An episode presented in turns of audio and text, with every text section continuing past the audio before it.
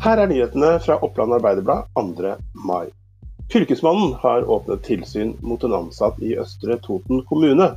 Det skjer fordi den ansatte var i kontakt med 15-åringen som ble drept av sin far på Kapp i oktober i fjor. Den ansatte varslet barnevernet, men ikke politiet, om de seksuelle overgrepene gutten hadde betrodd seg om.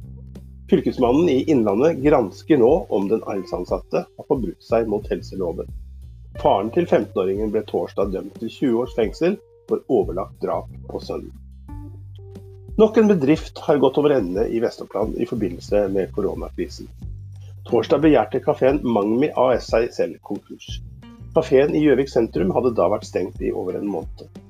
Dette skyldes eh, koronasituasjonen og at kona og jeg har vært dårlige og ikke har kunnet drive eh, kafeen som ønsket, sier innehaver Arild Davidsen til Oppland Arbeiderblad. Alle moskeer er stengt under ramadan-høytiden.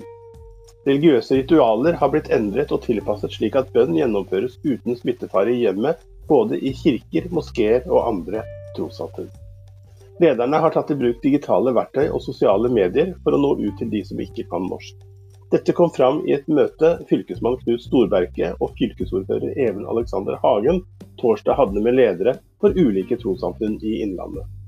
Islamsk senter på Gjøvik, det nest største trossamfunnet i landet, har avlyst alle aktiviteter. 8. mai er det 75 år siden Gjøviks befolkning igjen kunne trekke i finstasen og feire at den dyrebare friheten var tilbake. Sammen med både politikere, Mjøsmuseet, Gjøvik kultursenter, skolekontoret, NROF, som er Norske reserveoffiserers forbund, og lokalhistoriker og formidlingsentusiast Per Sandvik, har kultursjefen vært med å sette sammen et program de mener er med å hedre de som er med og kjempet for vårt lands frihet.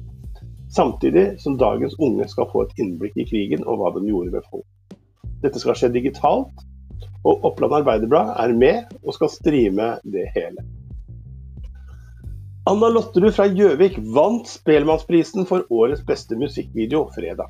Årets utdeling av Spelemannsprisen ble annerledes som følge av koronakrisen. Spelemann og NRK deler ut Spelemannspriser over flere dager og på flere av NRKs flater. Det er musikkvideoen til låta 'Leaning On Myself' som gjorde at Anna of the North denne gangen kunne stikke av med den gjeve prisen. Musikkvideoen er regissert av Noah Lie. Fie og Elbjørg Hemsing, også de vestoplendinger, var, var nominert til Spelemannsprisen i år, men det var Anna of the North som stakk av med den eh, eh gjeveste eh, prisen av den denne gang. Dette var noen av nyhetene du får i Oppland Arbeiderblad i dag. Du kan lese enda flere nyheter på oa.no nå. Eller du kan laste ned OA-podden eller noen av våre andre podkaster på Spotify, Apple eller der du eh, bruker å hente dine lytteopplevelser. Mitt navn er Erik Sønsterli. På gjensyn i morgen.